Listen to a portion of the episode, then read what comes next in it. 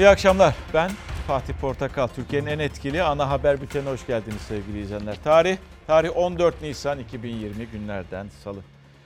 Koronalı günlerde, bu koronavirüsünün yaşandığı bu günlerde zaman zaman da bildik isimleri kaybedebiliyoruz. Onlardan biri de Türk siyasi tarihinde uzun yıllardır olan ve adından da o seçim dönemlerinde çok söz ettiren Haydarbaş. Ve Allah rahmet eylesin. Koronadan hayatını kaybetti, koronavirüsünden. Birazdan haberlerini paylaşacağız. O haberi paylaşacağız sizlerle. Tabii insan sanki bir tanıdığını kaybetmiş gibi. Çünkü tanıyorsunuz e, yani bir samimiyetiniz yok tabii ki ama e, onun siyasi yaşamından veya işte onun haberlerini tanım e, ekrana getirir? Gözümüzün önünde olan bir insan. Sadece benim için değil sizler için de aynı. Ve onun biliyorsunuz seçim zamanlarında böyle çok enteresan da rahmetlinin e, önerileri vardı, vaatleri vardı. Hatta bir slogan bile yapılmıştı. İş, aş, Haydarbaş diye. Biz bugün onun için Allah rahmet eylesin diyoruz ama onun önündeki iş ve aş bir Türkiye gerçeği, bir dünya gerçeği. İş, aş bu akşamki tabelamız etiketimiz siz de bu şekilde paylaşabilirsiniz. Birazdan Sağlık Bakanı açıklama yapacak. Bilim Kurulu ile yaptığı toplantının sonrasında yeni tavsiyeler var mı yok mu öğreneceğiz. Tabii e, saatini tam olarak bilmiyoruz ama eli kulağında diyebiliriz. Ben e, korona virüsünden devam edeyim. Çünkü artık bunları açıkla e, bunları her gün veriyoruz. Her gün vererek e, önce e, bir e, dimağımızı tazeliyoruz. Ne oldu, ne bittiğini anlatmak için. Ardından da yeni sayıları bekliyoruz. E, Sağlık Bakanı'ndan maalesef. E, dün itibariyle 61.049 vaka var. Toplamdan bahsediyorum. 10 Mart itibariyle veya 11 Mart itibariyle 1296 vatandaşımız hayatını kaybetti. Yine 17 e, Mart'tan itibaren e, ve Bugün gelinen noktada bu. Ha Cumhurbaşkanı da tabii e, dün akşam ulusal seslenişi vardı. En hızlı müdahale eden ülke biz olduk. En hızlı müdahale eden ülkelerden biri biz olduk diyordu. E, ve e, sağlıkçılara çok iş düşüyordu bu müdahale sırasında, mücadele ve müdahale sırasında. Onlar içerisinde koronavirüse yakalanan, yakalananlar da vardı. Hayatını kaybeden isimler de oldu sağlıkçılar arasında ama yenenler de var.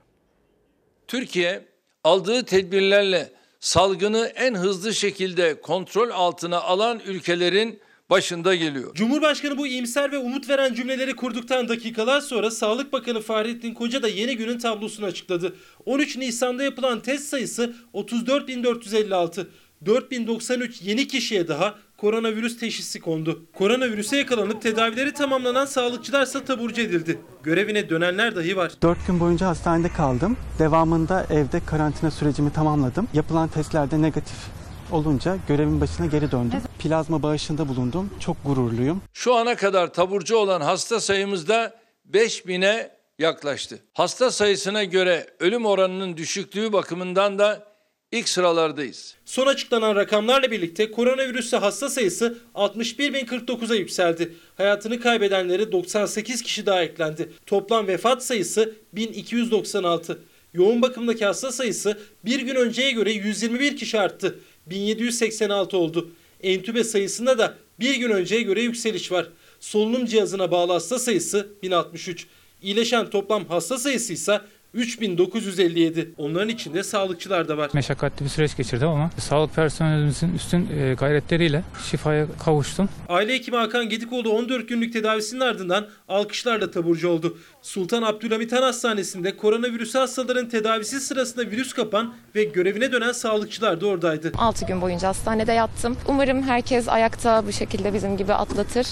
Ee, çok teşekkür ederim. 81 ilimize yayılmış olan 1518 hastanemizde 100 bini tek kişilik olmak üzere 240 bin yatağa sahibiz. Yoğun bakım yatağı sayımızda 40 bini buluyor. Cumhurbaşkanı Erdoğan koronavirüsle mücadelede başarılıyız dedi. Sağlık Bakanı Fahrettin Koca da günlük test sayısına oranla vaka sayısının düşük olduğunu söyledi. Erken tanı sayesinde dedi. Dünya Sağlık Örgütü başta olmak üzere uluslararası kuruluşlar ülkemizi koronavirüs salgınıyla mücadelede örnek gösteriyorlar. Biz buradayız. Bu yüzden çoğumuz evde kalamıyoruz. Ama siz evde kalmalısınız. Sağlık Bakanı Fahrettin Koca'nın sosyal medya hesabından yayınladığı kliplerde sağlıkçılar vatandaşlara evde kalın çağrısı yaptı. Bilim Kurulu da yeni günde yine video konferans yöntemiyle toplandı. Aslında biz vakayı veriyoruz, hayatını kaybedenleri veriyoruz ama iyileşenleri de bundan sonra vermeliyiz diye düşünüyorum. Çünkü o bizler için bir umut oluyor. Ee, sağlıkçıların mücadelesini anlatmak bakımından onların vermiş olduğu o mücadeleyi taçlandırmak adına e, olumlu bir e, anlam ifade ettiği için iyileşeni de bundan sonra verelim.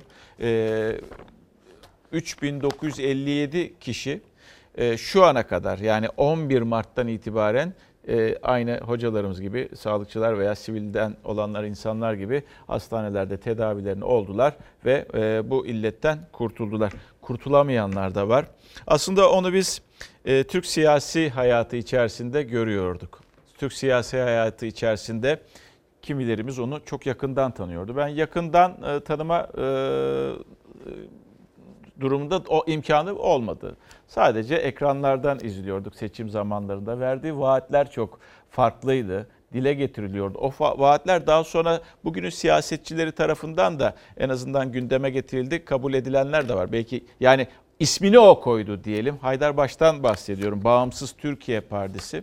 Partisi. Evet meclise giremedi belki ama her seçim zamanı biz e, Haydar Bey'i görürdük ve onun söylemlerini de işitirdik ve imkan ölçüsünde de verirdik burada. Maalesef hayatını kaybetti koronadan.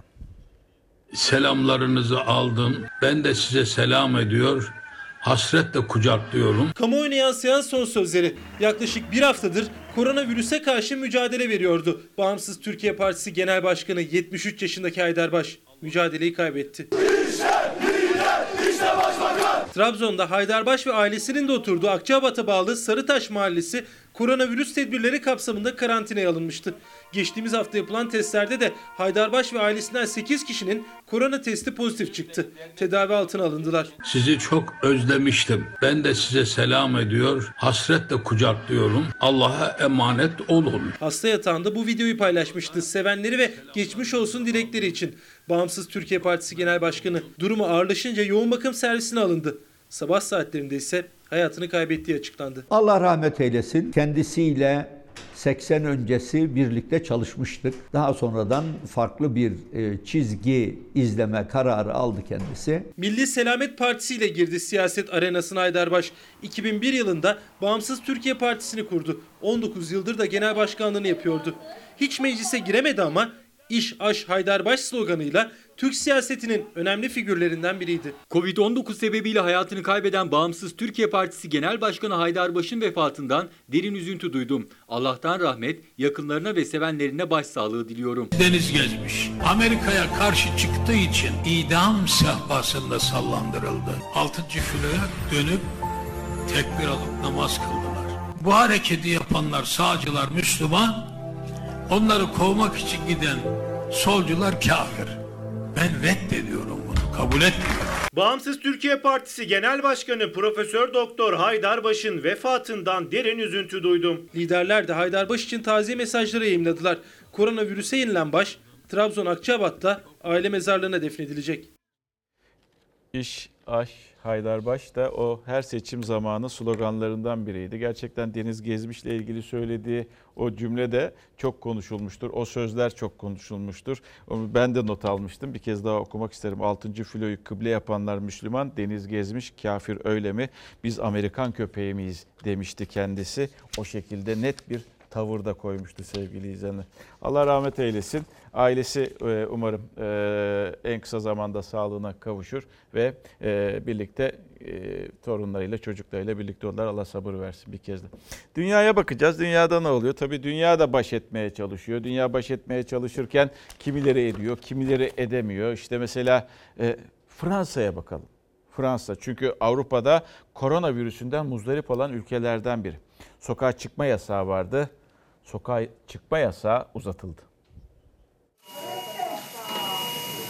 Dünyada koronavirüs nedeniyle hayatını kaybedenlerin sayısı 120 bini geçti. Şu ana kadar virüs tespit edilen 2 milyon hastadan 465 bini iyileşti.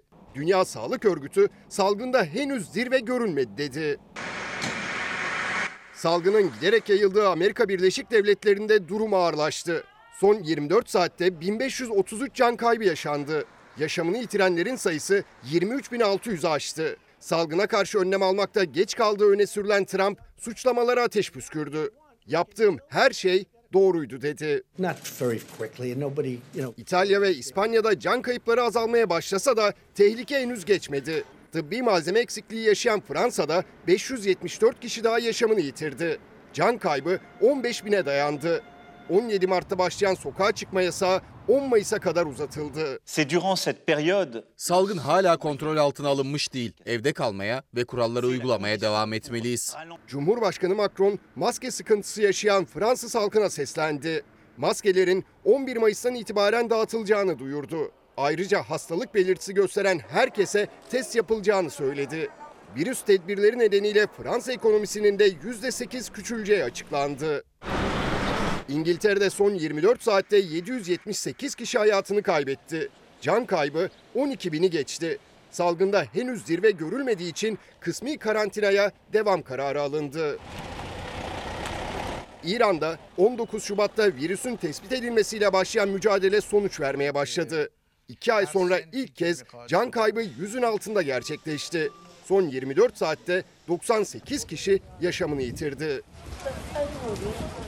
Korkutan haber Dünya Sağlık Örgütü'nden geldi. Salgında henüz zirveye ulaşılamadığı hatırlatıldı. Dünya Sağlık Örgütü Avrupa'da bazı ülkelerde düşüş görülse de İngiltere ve Türkiye'de vakaların artmaya devam ettiğini vurguladı. Tayland'da da ölen bir insandan bir başkasına ilk defa virüs bulaştı. Ülkede yeni doğan bebeklerin yüzüne koruma amaçlı siperlikler takıldı. Sizler de bekliyorsunuz, bizler de bekliyoruz. Sağlık Bakanı e, birazdan ekranların, e, kameraların karşısında olacak, ekranınızda olacak. Söyleyecekleri önemli. Yeni tavsiyelerde bulundular mı, bulunmadılar mı bilemiyoruz. Ama işte o bugün birlikte konuştuğu, toplantı yaptığı e, bilim kurulundan enfeksiyon hastalıkları ve klinik mikrobiyoloji uzmanı Profesör Doktor Alpay Azap Hoca şöyle söylüyor. Bizim toplumumuzu işaret ederek toplumumuzun yüzde 60'ı lütfen bakın çok iyi dikkatle dinleyiniz. Toplumumuzun yüzde 60'ı hastalanana kadar biz bu salgınla uğraşmak zorunda kalacağız. Bir bilim adamının, adamının tespitinden bahsediyorum. Dünya Sağlık Örgütü sözcüsünün de bir açıklaması var. Şöyle söylüyor. Dikkatli olmak zorundayız. Kurallara uymak zorundayız. Yasaklara uymak zorundayız. Şöyle diyor de e, Dünya Sağlık Örgütü. Bazı ülkelerde hafif düşüş var hafif düşüş var. Ancak İngiltere ve Türkiye'deki koronavirüs vakalarında halen yükseliş gözleniyor. Bunu neden söylüyorum Dünya Sağlık Örgütü'nü? Çünkü Sağlık Bakanı Fahrettin Bey de Dünya Sağlık Örgütü'nü referans gösteriyor. Bilgilerin paylaşıldığını, onlarla konuşulduğunu ifade ediyor ve e, Dünya Sağlık Örgütü bu bakımdan çok çok önemli. Vakalarda İngiltere ve Türkiye'deki vakalarda e, koronavirüs koronavirüs vakalarında yükseliş olduğunu e, söylüyor Dünya Sağlık Örgütü.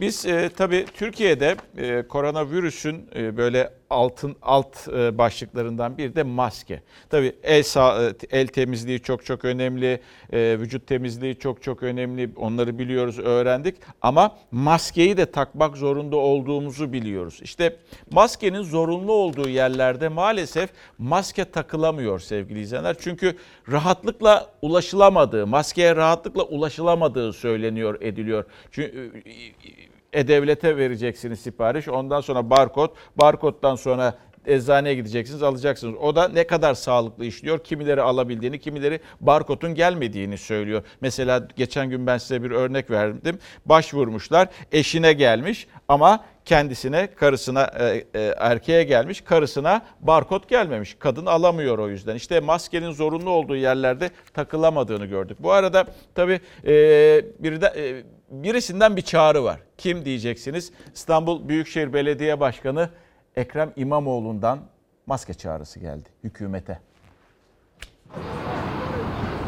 Maskeniz var mı? Evet. Taktım buraya. Maskem burada. Otobüsten zaten metrobüsten geliyorum zaten. O şekilde kullanmak çok doğru değil. İyi Evet, muhafaza etmeniz be- lazım. Ev, çamaşır suyuyla yıkıyoruz. Maskeyi mi yıkıyorsunuz? Evet mecbur. Çünkü Neden? gelmedi de hiçbir yerden de bulamıyoruz. Başvurduk gelmedi. Bulamıyoruz. Tek maskenizi de idareli mi kullanıyorsunuz? Öyle yapmak zorundayım. Satın alınmıyor şu anda yasak. Bulamıyorsunuz. Eczanelere gitseniz zaten parayla satın alamıyorsunuz. Kesinlikle parayla maske satışı yasaktır. Maske satışı yasaklanalı 8 gün oldu. PTT aracılığıyla gelecek maskeler hala yolda. Eczanedense Sağlık Bakanlığı'nın gönderdiği mesaj olmadan temin edilemiyor. Yani zaten verilecek maske 5 tane ama ona da ulaşılamıyor. İstanbul Büyükşehir Belediye Başkanı Ekrem İmamoğlu biz dağıtalım dedi. Maske dağıtımı yapmayın. Bunu bir merkezden dağıtıyoruz iddiasına hiç gerek yok. İstanbul'da sıkı bir koordinasyona sahip Büyükşehir Belediye'niz var. Yine 39 ilçe belediyesi var. Gönderin nüfusuna göre belediyeler bu işte seferberlik yapsın, maskeleri dağıtsın. Başka maskeniz var mı? Şu an yok. Eczane satılmıyor zaten. PTT'den istedik.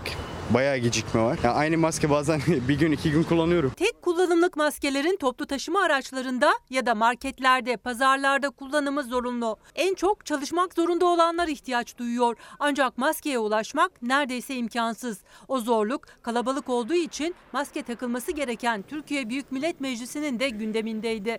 Muhalefet tepki gösterdi. Haftada 5 adet maske dağıtılacak dediniz. Sizler burada 2 saatte bir maske değiştirirken ülkenin yüzde birine bile maskeyi ulaştıramadınız. Vatandaşın telefonuna mesaj gelecek. E, telefonu olmayan vatandaş var. Adına hat olmayan vatandaş var. Okuma yazması olmayan vatandaş var. Onu da elinize yüzünüze bulaştırdınız. Şu anda piyasada maske yok kendimiz yaptık. Yapacak bir şey yok yani. Yok mu maske? Var da çıkarken acele çıktığım için unuttum. Tıpkı metrobüs ve otobüslerde olduğu gibi minibüslerde de maskesiz yolculuk yapmak yasak. Ancak ücretsiz maske dağıtımı da yok. Maskesi olmayan yolcular da mecburen aynı maskeyi defalarca kullanmak zorunda kalıyor. Ne yapıyoruz? Yıkıyoruz tekrar giyiyoruz. Yani tehlikeyi katlıyorlar. Bazı duraklarda semt pazarlarında dağıtılıyor maske ama o da yetersiz. Maske yok mu? Vardı şimdi evim şurası hemen. Bu yüzden e, şimdi eczaneye gittim orada da bitmiş. Semt pazarlarında maske dağıtılıyor ama o dağıtımı yakalayamayan ve kendi maskesi de olmayanlar kendi çözümünü kendisi buluyor. Yok mu normal maske? Yok. Vermediler. Bekliyoruz. Kendimizi koruyoruz işte bu şekilde. Başvurumuzu yaptık ama henüz maskelerimiz gelmedi. Bekliyoruz. Dolayısıyla eşarp takarak idare ediyoruz şu anda. kullanıyoruz. Yani maske meselesini halledemedik. Yani Cumhurbaşkanı diyor ya az önce bir cümlesi vardı. Dünyada e, en hızlı müdahale eden ülkelerden biriyiz. Evet olabiliriz ama bir maske meselesini hala da günlerdir konuşuyoruz. Bakın maske üretiminde sıkıntımız yok. Onu eleştirmiyorum. Veya ne bileyim dezenfekte e, yapacak olan o sıvılarda bir sıkıntı yok. Çünkü onu veya üstte giyilecek olan kıyafette bir sıkıntı yok. Onu zaten biz diğer ülkelere de e, yardım amaçlı gönderiyoruz hibe ediyoruz. İngiltere'ye e, veya Balkanlara gitti, İspanya'ya, İtalya'ya gönderildi. Bildiğimiz kadarıyla İsrail'e gönderilecek yine. Bunlarda bir sıkıntı yok. Bizde dağıtımda bir sıkıntı var. Yani hala da kaç bir ay geçti üstünden. Yok eczaneydi, yok şuydu, yok barkodtu. Ya bunu tamam merkezi hükümet organize ediyor. Evet çok güzel. Belediyelere verilsin. Belediyeler de alttaki o küçük belediyelere dağıtsın. Ve onlar da e, bunu vatandaşlara ücretsiz bir şekilde, o da güzel bir şey, ücretsiz bir şekilde ulaştırsın. Sorumluluk paylaşılsın. Vatandaş da bak eşarp, eşarp takmak zorunda kalmasın. Bu kadar basit bir şey. Basit bir şeyi maalesef zorlaştırmada zorlaştırıyoruz. E, ortaya çıkan manzara bu. E, askerlikle ilgili Milli Savunma Bakanı bugün bir açıklama yaptı. Açıklama önemli çünkü askerde askerde olanları ve bu celpte gidecekleri ilgilendiriyor. Kasım dönemi, Kasım 2019 celbi uzadı. Koronavirüsten dolayı, bu tehditten dolayı. Nisan celbi ise ertelendi. Yaklaşık 53 bin e, askeri ilgilendiriyor, 53 bin kişiyi ilgilendiriyor, genci kapsıyor ve e, bakan, e, Milli Savunma Bakanı Hulusi Akar bir ay sonra tekrar değerlendirileceğini bu durumun e, e, söyledi. Bir kez daha tekrar edeyim. Kasım celbi uzadı. Nisan dönemi, Nisan celbi ise ertelendi. Bu da 53 bin genci içine kapsıyor. Bir ay sonra tekrar değerlendirilecek dedi Hulusi Akar. Ee, Cumhurbaşkanı bu kez yapılması gereken yapıldı. Ee, öyle yani saatler kala gece yarısına değil de tam 4 gün öncesinden e, önümüzdeki hafta Cuma gece yarısından sonra saat 12'den sonra sokağa çıkma yasağı uygulanacak 31 ilde sevgili izleyenler. Bunlardan 30'u Büyükşehir bir de Zonguldak var 31 yapıyor. O yüzden şimdiden hazırlıklarınızı tamamlamaya çalışınız. Ya zaten 48 saat 48 saat yapacağız ekstra bir şey gelmezse. Sokağa çıkma yasağı bu hafta sonu da uygulanacak dedi. Tedbirli olmakta fayda var. Şimdi Cumhurbaşkanı karşısına bir siyasetçi koymuyorum. Çünkü bugünlerde ben en fazla kime dikkat ediyorum? En çok kime dikkat ediyorum? Bir, Sağlık Bakanı'nın söylediklerine dikkat ediyorum. Çünkü o sa- hem sağlıkçı hem bilim insanı hem de bilim kuruluyla bir araya geliyor ve bilim insanlarının söylediği çok çok önemli. Biliyoruz ki vakaların çoğu İstanbul'da görülüyor. Açık ara. İşte e, önemli bir isim Profesör Doktor Özlem Kurt Azap, e, Covid-19 İzleme Kurulu üyesi. Alpay Azap'ın da aynı zamanda eşi olduğunu ben biliyorum. Yanlış bilmiyorum herhalde. Evet. Diyor ki hafta sonu 48 saat için 31 ilde sokağa çıkma yasağı var ama bu 48 saatin koca şehir, mega şehir İstanbul için yeterli olmadığını düşünüyor. Hafta sonu için alınan 30 büyük şehrimiz ile Zonguldak ilimizdeki sokağa çıkma yasağı da bu tedbirlerden biridir. 17 Nisan Cuma gecesi saat 24'ten 19 Nisan Pazar gecesi saat 24'e kadar sokağa çıkma yasağı uygulanacağını şimdiden tüm vatandaşlarımıza duyurmak istiyorum. İki günlük sokağa çıkma yasağının değil, uzun süreli sokağa çıkma yasağıyla bu önemli ve ciddi bir konudur. Bunu yaptığımız takdirde büyümesini engelleriz. Geçen hafta sonu olduğu gibi bu hafta sonu da 30 büyükşehir ve Zonguldak'ta sokağa çıkmak yasak. Ancak İstanbul vaka sayısının da yaşamını yitirenlerin sayısının da en yüksek olduğu il. İstanbul Büyükşehir Belediye Başkanı Ekrem İmamoğlu da hastaların %65'inin İstanbul'da olduğuna dikkat çekti. Yasağın il bazında genişletilmesi talebi uzmanlardan da geldi. Bu iki günlük kısıtlamalar asla yetmeyecektir. Bu hastalığı sınırlamak için teması azaltacaksak en aza indirmek en çabuk yanıt almayı sağlayacak şeydir. Ek tedbirler gündemde İstanbul için ama henüz hayata geçmedi. Gıda ve sağlık haricindeki işletmelerin kapatılması, Kocaeli, Bursa, Sakarya ve Tekirdağ'daki fabrikalarda da üretimin 10 gün süreyle durması masada. Amaç sokaklardaki ve toplu taşımadaki yoğunluğun azalması. Çünkü özellikle sokağa çıkma yasağının ardından İstanbul'da her yer çok kalabalık. İstanbul'da iki günlük sokağa çıkma yasağı sona erdiği andan itibaren caddelerdeki, sokaklardaki, meydanlardaki manzara da değişti. Bugün sokağa çıkma yasağının bitmesinin ikinci günü. Şimdi baktığımız zaman her yer kalabalık, marketler kalabalık, bankaların önleri kalabalık. Yolda gezenler, dolaşanlar çoğunlukta. Pişman bile oldum geldim aslında.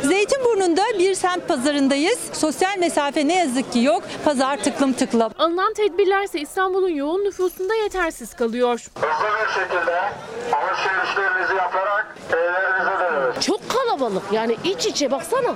İnsanlar gerçekten hani sözde mesafe koyun diyorlar.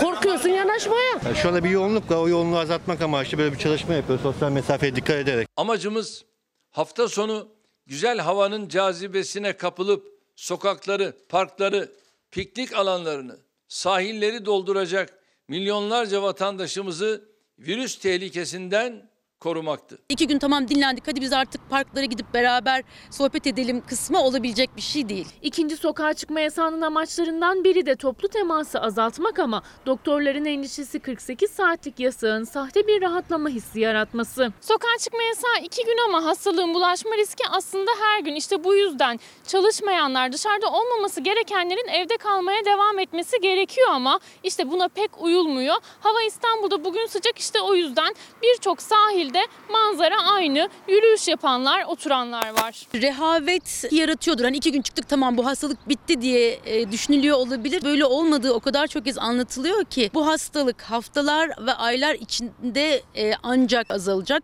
Öyle de oldu. Göl kenarında piknik yapıp balık tutanlar vardı İstanbul'da. 20 yaş altının sokağa çıkma yasağı bile unutuldu. Ya olay şu değil. 48 saat yasak yapıyoruz. Çıkmıyorsunuz.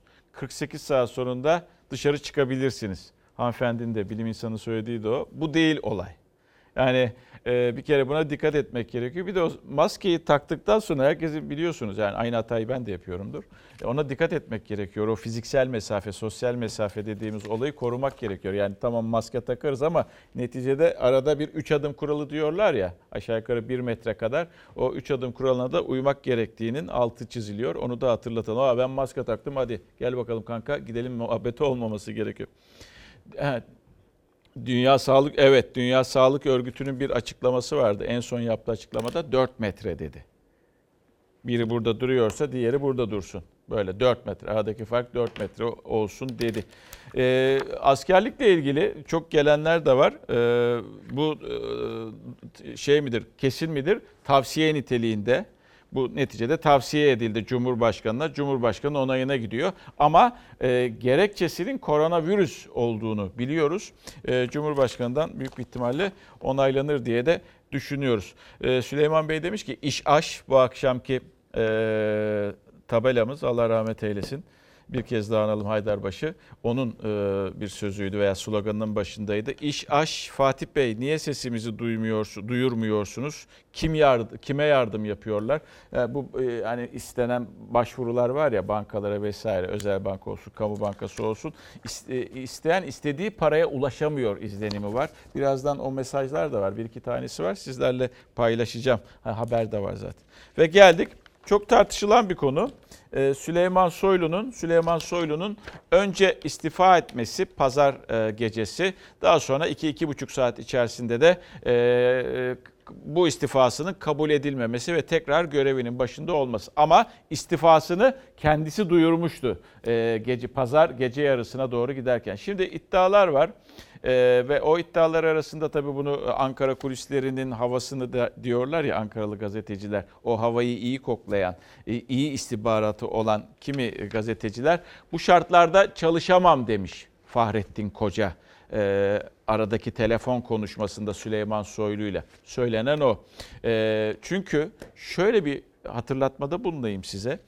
Cuma günü Fahrettin Bey televizyona çıktı konuşmasını yaptı, soruları cevapladı ve o sorular içerisinde hiçbirimiz ben de kendisini burada dinliyordum. Sezinlemedim. Yani o hafta sonuna herhalde bir sokağa çıkma yasağı geliyor. İması dahi yoktu. İması dahi yoktu ve işte böyle bir tartışma olduğu söyleniyor. Tabii e, bugün Sayın Bakan'a bu soru sorulacaktır mutlaka. E, sokağa çıkma yasağından e, haberi var mıydı? Bu sorunun cevabını da herhalde dakikalar sonra alacağız. Yeni ilave durumu yok. Bu şartlarda çalışamam. İddiaya göre Sağlık Bakanı Fahrettin Koca bilgisi olmadan alınan sokağa çıkma yasağı kararı sonrası bu tepkiyi gösterdi. İstifadan Cumhurbaşkanı döndürdü.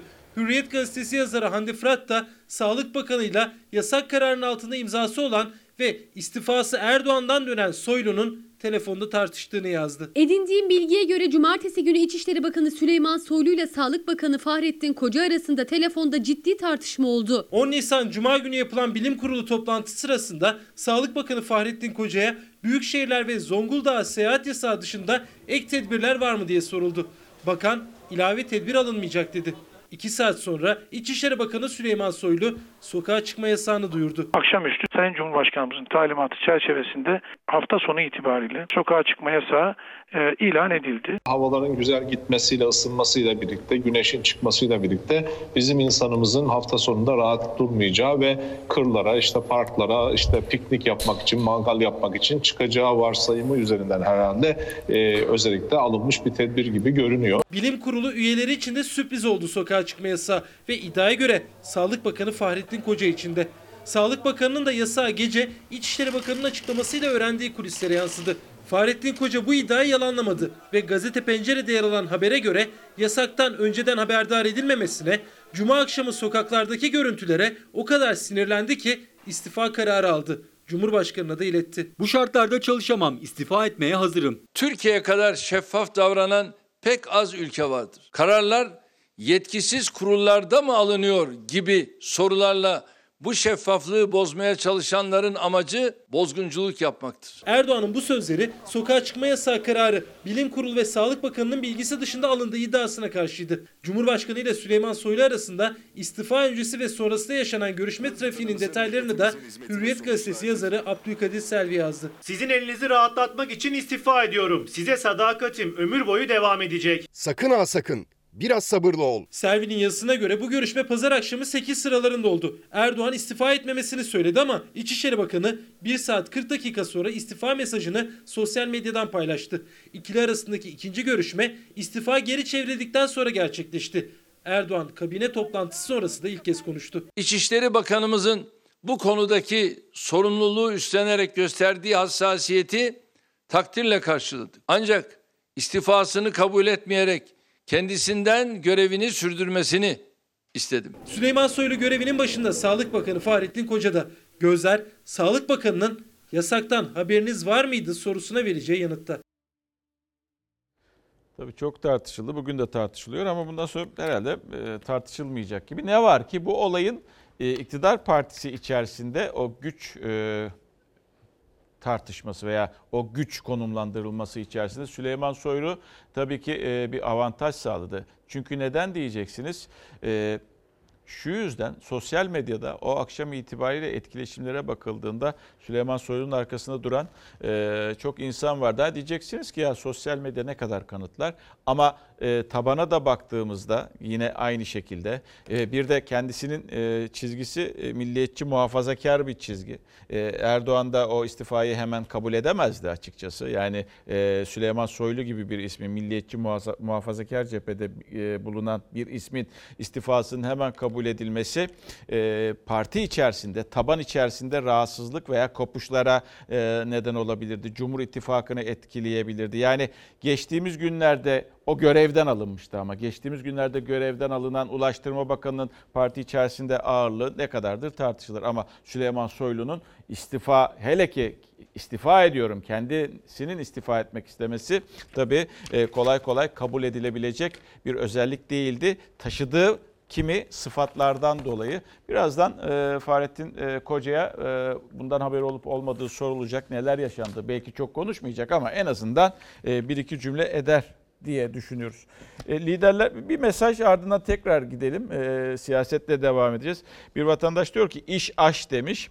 Fatih Bey şehirler arası yasak ne zaman bitecek? Gurbetçiyim demiş. Burada kaldık. Valla bu e, sağlık sorunu. O yüzden bu kurallara uymak gerekiyor. Eğer izin çıkartabiliyorsanız kendinize kaymakamlıklardan vesaire o izinle kendi memleketinize gidebilirsiniz. E, ve bir kaymakamlığa gitmeniz, o yazıyı almanız aslında kolay bir şey. Bunu deneyebilirsiniz. Geldik e, siyasette tabii bizim e, siyasetçiler arasında kısır tartışmalar devam ediyor. Yani şunu diyor ya e, Sayın Cumhurbaşkanı işte dünya çok değişik bir dünya olacak, şöyle bir dünya olacak. Yani ama bizde siyaset değişmeyecek siyasetin e, yapılış şekli, siyasetin birbirine karşı tavrı tarzı değişmeyecek. Mitomani kavramı tekrar e, gündeme geldi. Bu yalan söylemeye e, alışkanlık yalan söylemeyi alışkanlık haline getirmek. E, çok değil bundan birkaç yıl önce yine duymuştuk bu mitomani. E, Erdoğan Kılıçdaroğlu için söyledi. Yani e, artık dedi kendi yalanlarına e, sen de inanıyorsun demek istiyordu mitomani diyerek. Tabii CHP'den cevap geldi. CHP'nin önemli bir ismi Engin Altay'dan geldi. Bu da aslında enteresan bir şey. Kabul edilebilir yani liderler yalan makinesine neden girmesin? CHP Genel Başkanı'nın Türkiye'den bir haber olduğunu gösteren sözlerinin takdirini de ben milletimize bırakıyorum. Milletin gözünün içine bakarak bu kadar yalanı arka arkaya söylemek mitomani hastalığıdır. Ben Kemal Bey'den rica edeceğim. Kendisi de kabul ederse her ikisini birlikte yalan makinesine sokalım. Böylece hiç doktorları uğraştırmayız. Kimin mitomani hastalığına tutulduğu da ortaya çıkmış olur. Erdoğan'ın Kılıçdaroğlu'na hedef alan sözlerine karşı CHP Grup Başkan Vekili Engin Altay'dan yalan makinesi teklifi geldi. Koronavirüs gündeminde Cumhurbaşkanı ile CHP arasında mitomani yani yalan söyleme hastalığı tartışması patlak verdi. Bunu bir araştırsın, öğrensin. Nedir bu hastalık? Yalan söylemeyi adet edinen ve aradan belli bir süre geçtikten sonra da söylediği yalanı inkar eden insana mitomani denir. Mesela camide içki içtiler diye söyleyip daha sonra böyle bir şeyin ispatlanmadığı anlaşıldığında suskun kalmak, o sırada görüşülmedi deyip sonra bunu itiraf etmek de gene mitomani hastalığıdır. Gün birlik olma, dayanışma, yardımlaşma, kardeş olduğumuzu dünyaya gösterme günüdür. Cumhurbaşkanı Erdoğan kabine toplantısı sonrası yaptığı açıklamada tüm Türkiye'yi koronavirüsle mücadelede birlik olmaya çağırdı. Ama aynı konuşmasında önce basına hedef aldı sonra Kılıçdaroğlu'nu. CHP liderinin Habertürk televizyonunda yaptığı açıklamaları. Koronavirüsten ölen insanlar var ama oraya yazılıyor. Salgın nedeniyle öldü diye. Niçin? E, test yapılmamış ki. Test yapılmayınca onu yazamıyorlar. Milletin gözünün içine bakarak bu kadar yalanı arka arkaya söylemek mitomani hastalığıdır. Umarım hekimlerimiz bu hastalığa da tez zamanda kurduğu bir bilim kurulu da var zaten. Herhalde o bilim kuruluyla karşılığını bulur. Ya yaşadığımız sorunun farkında değil ya bu sorundan bile AK Parti'ye ve kendi postuna bir rant çıkarma peşinde. İçinde bir parça insanlık kırıntısı varsa böyle bir zor dönemde AK Parti rozetini yakasından değil kafasından çıkarsın. Ülkemiz sadece koronavirüsten değil aynı zamanda bu medya ve siyaset virüslerinden de inşallah kurtulacaktır. Virüsün veremediği zararı Erdoğan bu milleti bölmek, ayrıştırmak, kamplaştırmak, kutuplaştırmak suretiyle kendisi bu millete veriyor. CHP Cumhurbaşkanı'na bu kritik süreçte partili kimliğini kenara bırakması çağrısı yaptı. Şimdi, tabii ben buna dikkat etmemiştim. Şimdi haberde dikkat ettim. Medya ve siyaset virüslerinden e, diyor Sayın Cumhurbaşkanı. Böyle de bir virüs şekli üretti. Medya ve siyasetteki virüslerden. Ben üstüme alınmadım. Yani güldüğüme bakmayın alınmadım yani. Virüs olarak kendimi görmüyorum. Basın mensubu olarak görüyorum. Şimdi baksanıza. Şimdi bu yani Covid-19 Fatih filan. Komet. Komet. evet komet. Komet. Yani şimdi e, hani e, bu yalan söyleme hastalığı var ya mitomani hani yalan makinesini de işte muhalefet şey yapmış. Aklıma ne geldi biliyor musun? Acaba Türkiye'de yalan makinesi var mı? Yani emniyetin elinde veya istihbaratın elinde. Yani filmlerde görüyoruz ya böyle bir alete bağlıyorlar. Dıt dıt dıt dıt dıt böyle bir şeyler yapıyor çıkıyor. Var mı diye çok merak ediyorum yalan makinesi. Ya piyasalar önemli çünkü iş aş çok konuşacağız. Önce sağlık tabii ki ama önümüzdeki günlerde olmuyor yani. İşsiz de olmuyor, açsız da olmuyor, parasız da olmuyor. Bunu çok konuşacağız. E, piyasaları hemen e, dilimiz döndüğünce basit bir şekilde anlatalım. Dolar bugün yükseldi. 6 lira 81 kuruş. Euro da aynı şekilde yükseldi. 7 lira 47 kuruş. Altın yani çeyrek altın gidiyor. Yukarı doğru gidiyor. 623 lira oldu. 623 lira çeyrek altın oldu. Bu da e, piyasaların bugünkü e, değerleriydi. De, dedik önce sağlık, sağlığı bir şekilde anlatmaya çalışıyoruz. Mümkün olduğunca fazla insanımızı hayatta tutmaya çalışıyoruz. Dünyadaki ülkeler de böyle yapıyorlar. Ve ama e, bunun yanında tabii ki maddiyatçı bir dünyada yaşıyoruz. Bu maddiyatçı dünya içerisinde de iş olması gerekiyor. İş olduğu zaman para olacak. Para olduğu zaman da insanlar aş e, elde edecekler. İşte bakın e, Cumhurbaşkanı'nın bu sözü var. Dün e, bu ulusa sesleniş programında söylemişti. İstihdamı korumak için her türlü önlemi alıyoruz demişti. Ve tabii bu önemli. Onlara bakmak gerekiyor. Yani onun içeriğine bakmak gerekiyor. Cevap nereden geldi diyecek olursanız diskten geldi. Disk bugün İşkur önünde eylem yaptı. Daha doğrusu eylem değil. Basın açıklaması yaptı. Ücretsiz izne ve o 1179 lira deniyor ya 1179 veya 1174 lira 1177 özür dilerim 1177 liraya sefalet ödeneği diyor. Cümleyi baştan alacak olursak ücretsiz izne ve sefalet ödeneğine hayır. İstihdamı korumak, gelirini kaybeden vatandaşlarımıza sahip çıkmak, üretimi desteklemek için her önlemi alıyoruz. Çarklar dönecek inadı ile daha kaç işçi hayatını kaybedecek? Derhal hemen şimdi zorunlu ve acil işler dışındaki tüm işler durdurulmalıdır. Cumhurbaşkanı Erdoğan'ın işçi ve işveren için önlemler alıyoruz açıklamasından bir gün sonra DİSK İstanbul İşçi Bulma Kurumu önünden yaptı çağrısını. İşçi sağlığı için zorunlu ve acil işler dışında fabrikalar üretimi durdursun dedi. AK Parti'nin meclise sunduğu işçi çıkarmayı da yasaklayan 15 maddelik kanun teklifi hem diskin hem de muhalefetin gündemindeydi. Bu işsizler ordusu bu krizden sonra artmaya başladı ve hızla artıyor. Çark dönmüyor. İş sözleşmesinin 3 ay süreyle sonlandırılmasını önüne düzenlemeyle geçiyoruz. Fesih yasağı sırasında işveren işçiyi tek taraflı olarak ve keyfi olarak ücretsiz izne ayırabilecek. Kısa çalışma ödeneğine yapılan 2 milyon başvurunun 700 bini sonuçlandırıldı. Bundan faydalanamayan veya ücretsiz izne çıkartılmış olan çalışanlarımıza da aylık 1170 lira maaş desteği vereceğiz. Ayda 1168 lira gibi ucube bir ücretsiz izin dayatmasını getirmek milyonlarca işçiyi sefalete mahkum etmek anlamına gelmektedir. AK Parti'nin düzenlemesine göre işçi çıkarma yasağı yasanın yürürlüğe girdiği tarihten itibaren başlıyor. Disk ise 15 Mart'ın baz alınmasını istiyor. Ücretsiz izne çıkarılanlara, işsizlik maaşı alamayanlara verilecek 1168 liranın da yetersiz olduğunu söylüyor konfederasyon. Asgari ücret istiyor. 15 Mart 2020'den geçerli olmak üzere işini kaybeden, ücretsiz izne çıkarılan ve bu yasa ile işten çıkarılması yasaklanıp çalıştırılmayan tüm işçilere en az asgari ücret düzeyinde bir ödeme yapılmalıdır. Ücretsiz izne ayrılan vatandaşlarımızla alakalı burada hepsine verilecek. Bu teklif 3 aylığına veriliyor fakat 3 ay daha uzatma yetkileri var. Açlık sınırının 2400 TL olduğu ülkemizde işçiyi ücretsiz izine çıkar diyor devlet ve bu işçiye de yalnızca 1170 TL ödeyeceğim diyor. Bu 1170 TL bir açlık ücretidir. Bugüne kadar toplamda 4,5 milyona yakın vatandaşımıza doğrudan nakit desteği sağladık, sağlıyoruz. Kişi başına bebek de olsa, yaşlı da olsa, kadın da olsa, erkek de olsa 1000 lira verilmesinin elzem olduğunu söylüyoruz. İşçi konfederasyonları da muhalefet de iktidarın önlemlerinin yetersiz olduğunu söylüyor. Az, az önce yaptığımız o espri e, vatandaş tarafından e, be, benimsenmiş. Komet 19, komik geldi demiş. Covid-19.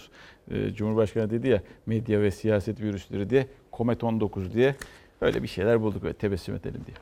Şimdi reklama gideceğiz. Çünkü Bakan Bey konuşacak birazdan. Ardından tekrar karşınızda olacak. Tekrar karşınızdayız haberlerle. Sağlık Bakanı, e, Sağlık Bakanı 5 dakika önce konuşmaya başladı. Ankara'da konuşuyor sevgili izleyenler ve kulak veriyoruz kendisine. Biz hekimlerin dilinden sizlerin gündelik hayatına karışacak. Bu kelime bunu hak ediyor. Filyasyon bildiğiniz gibi bulaşıcı bir hastalıkla ilgili temas zincirinin taranması işleminin adıdır. Vaka artış hızının erkenden düşüşe geçmesini biz bu filyasyonla sağladık. Filyasyon yöntemini bizim uyguladığımız şekilde uygulayan başka hiçbir ülke henüz olmadı. 11 Mart'ta açıkladığımız ilk vakadan itibaren tespit ettiğimiz her vakada biz filyasyon yöntemini uyguladık. Pozitif tanı konan hastaların her birinin son 3 gün içinde temas ettiği bütün kişilere ulaşıp onları taramaya çalıştık. Bunun nedenli dikkat ve titizlik gerektiren bir süreç olduğunu dışarıdan anlamak zordur. Burada bakanlığımız adına gururla kurduğum cümlelerin arkasında kimler olduğunu biraz sonra ifade edeceğim. Onların sayılarını da vereceğim. Filyasyonda yani hastanın temas halinde olduğu kişiler zincirinin taranması sürecinde neler oluyor? Bu kişilere ulaşılıyor, izlem altına alınıyorlar, tanı konanlar izole ediliyor, tedavilerine başlanıyor. Zaman zaman test neden herkese yapılmıyor şeklinde eleştiriler oluyordu. Genel tarama zaten doğru yöntem değil. Güvenilir sonuç elde etme açısından akılcı da değil. Fakat eklemekte yarar var. Filyasyon uygulaması soruya güçlü bir cevap getiriyor. Biz nokta atışı yaparak ilerliyoruz. Hastalığın bulaşma ihtimali yüksek olan yeni kişileri bulmaya odaklanıyoruz. Bir hastalıkla mücadelede diğer ülkelerle kıyaslama yaparak başarı vurgusuna gitmek çok insancıl gelmiyor. Ama demek istediğim bir şey var yaygın temas taraması, sıkı takip. Salgının önünü kesmenin yolu bu. Dünyanın büyük kısmı ise maalesef filyasyon yerine sadece şikayetle başvuran vakalar üzerinden tanı ve tedavi süreci yolunu izliyor. Güney Kore ve Singapur gibi birkaç ülke ise genel tarama yapıyor. Hasta kaybı artış oranı hızında da Az evvel bahsettiğim vaka artış hızına benzer bir veriye sahibiz. Türkiye'de ölüm artış hızındaki yavaşlama 5. haftada gerçekleşmiştir. Türkiye ölüm artış hızındaki yavaşlamayı en erken yakalayan ülkedir. Vaka artış hızının inişe geçmiş olması ölüm artış hızının yavaşlaması mücadelede doğru yolda olduğumuzun, tedbirlerin sonuç verdiğinin, sonuç alacağımızın somut işaretleridir. Bu sonuçların Türkiye'de alınması ama başka pek çok ülkede görülmemesi tesadüfi değildir. Yöntemi ilkece benimseyen, en yaygın şekilde filyasyon yapan Türkiye'dir. Bu performansı, ciddiyeti verilerle ortaya koymak isterim. Bugüne kadar tanı konan hastaların temas zincirindeki 261.969 kişi tespit ettik. Bunların yüzde 95.8'ine ulaştık. Takiplerini yaptık. Filyasyon ekiplerimizce takibi yapılan toplam kişi sayısı 251.028'dir. Bugüne kadar temas zincirinde yer alan 261.989 kişi tespit edilmiş, her doğrulanmış vakaya ortalama 4,5 temaslı kişi düşmektedir. Bunların yaklaşık yüzde 96'sına ulaşarak takip yapılmıştır. Toplamda filyasyon ekiplerimizce takipleri yapılan 251.028 kişi olmuştur. Peki yeni bir tanı konduğunda ta, tam olarak ne yapıyoruz? Filyasyon süreci nasıl işliyor? Soruların cevabı şöyle. Hastanın çok detaylı bir hikayesini alıyoruz. Kimlerle ne zaman, nerede görüştüğünün aile ortamı, aile bireyleri, yakınları ve iş yeri arkadaşlarının sosyal ilişkilerinde temas halinde olduğu insanların bilgileri toplanıyor. Bir vaka tespit edildiğinde onun aile fertleri ve iş arkadaşları aynı adreste bulunduğu kişiler otomatik olarak filyasyon ekibinin sistemine düşüyor. Bu noktadan itibaren de filyasyon ekiplerimiz harekete geçiyor. Bugüne kadar bahsetmediğim filyasyon ekibi nasıl bir ekiptir? Filyasyon ekipleri biri doktor, biri sağlık memuru, biri yardımcı personel olmak üzere ortalama 3 kişiden oluşan ekiplerdir. Bu ekipler her yeni koronavirüs vakasının tespitinde vakası, vakanın hikayesi alınır almaz harekete geçip hastanın temas halinde olduğu listelenmiş kişileri 48-49 saat zaman zarfında taramaktadırlar. Sadece iki gün, iki gece zarfında. Filyasyon ekipleri doğrudan bu kişilerin adreslerine ulaşmaktadır. Ekipler sahada mobil cihazlarla hareket etmekte, merkez birimlerimiz onların sahadaki çalışmasını takip etmektedir. Her yeni vakada hastalığı her yeni vakada hastalığa karşı A yeniden kurulmaktadır. Erken tanılarla hem yayılma önlenmekte hem de risk grubunda olan bazı kişilerin belki de hayatı hayatları kurtarılmaktadır. Filyasyon çalışması 81 ilimizde yapılmaktadır. Filyasyon çalışmasında temaslı ta takibinin en yüksek oranda sonuçladığı il yüzde 99 ile Zonguldak. En düşük il ise yüzde 92 ile Şanlıurfa'dır. Vakaların en yoğun olduğu İstanbul'da şu an 1200 filyasyon ekibi görev almaktadır. Türkiye genelinde filyasyon ekibi sayısı 4600'dür. Virüsü taşıyan kişilerle teması olmuş şüphelilere ulaşan, yeni tanı süreçlerini başlatan bu ekipler mücadelenin sahadaki en aktif üyeleri arasındadır. Bu mücadelenin şu aşamada henüz bilmediğiniz, adını duymadığınız pek çok kahramanı daha vardır. Ama bir gruptan hemen bahsetmem gerekir. Filyasyon çalışmamızın ağırlıklı bir kısmı aile hekimlerimiz tarafından yürütülüyor. Temas sebebiyle şüpheli kabul edilen kişilerin takip bilgileri sürecin en başında aile hekimlerimize verilmektedir. Bu kişilerde belirti ortaya çıkıp çıkmadığı bizzat aile hekimlerimiz tarafından araştırmaktadır. Hekim arkadaşlarımız telefonla iletişime varıncaya kadar sıkı bir takip ortaya koymaktadır. Sahip olduğumuz büyük veri havuzunun bir kaynağı aile hekimlerimizle kurduğumuz bu sistemdir. Söylediklerimden şu sonucu çıkarabilirsiniz. Koronavirüsle mücadelemiz mahalle bazına kadar inmiş bir mücadeledir. Sokağa, apartmana, eve uzanmıştır. Filyasyon sağlam bir veri kaynağına ihtiyaç duyar. Aynı zamanda sağlam bir veri kaynağı oluşturur. Her sağlam veri virüse karşı bir silahtır. Bakanlığımız sağlık teknolojisinde olduğu gibi bu veriler ve bu verilerin işlendiği sistem konusunda da insanımıza güven verecek üstünlüğe sahiptir. Türkiye Cumhuriyeti Sağlık Bakanlığı Türkiye'nin her yerinden anlık olarak gelen verileri tek bir sistemde toplamaktadır.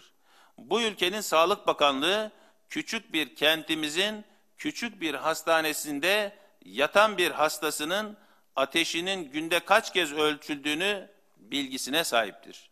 Hangi hastanemizde kaç yatak boştur, kaç yatak doludur bunlar bizim rutin bilgilerimizdir.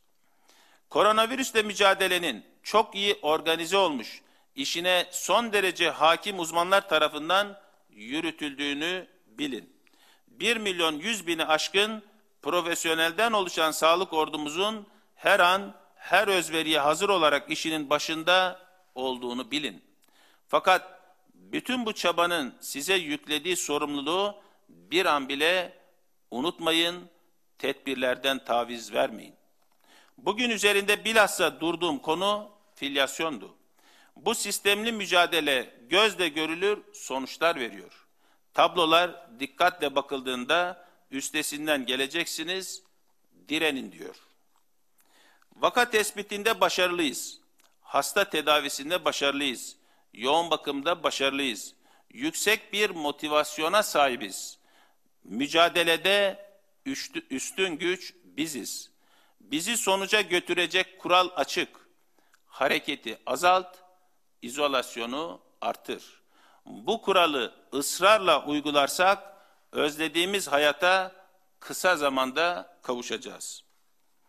Şimdi her gün olduğu gibi mevcut durumumuzu sizlerle paylaşmak istiyorum. Bugünkü test sayımız 33.070 oldu. Test sayısında bu hafta hedefimiz olan 30 bini aşmış olduk. Test sonucu pozitif olan 4062 vakamız olmuştur. Böylece toplamda vaka sayımız 65.111'e ulaşmış oldu. Bugün vefat eden 107 vatandaşımızla birlikte kayıp sayımız 1403'ü buldu. 842 hastamız da iyileşmiş oldu. Dünyada hastalığın artış eğimi, yapılan test sayıları, pozitif çıkma oranları, yoğun bakımda takip edilen hastalar ve ölüm oranları gibi farklı değişkenler dikkate alınarak ülkeler arası bir kümeler analizi yapılmaktadır. Birbirine benzerliklerine göre üç farklı model göze çarpıyor. Nüfusa göre sınırlı vakaların görüldüğü, doğrulanmış vakaların az olduğu veya bildirilmediği ülkeler en büyük kümeyi oluşturmaktadır. Fransa, İngiltere, İran ve Çin ortak özellikleriyle birbirine yaklaşmış durumdadır. Türkiye sözü edilen bu iki grubun arasında bir yerde durmaktadır. Yönetim becerimize, hastalıkla mücadele başarımıza göre yerimiz değişebilir. Eğer yönetim becerimizi ve hastalıkla mücadelemizi bu yönde başarılı bir şekilde sürdürebilirsek daha az görülen ülkeler kısmına doğru kaymış olacak. Değilse İngiltere gibi, Fransa gibi ülkelere doğru bir eğilim içine girme potansiyeli taşır.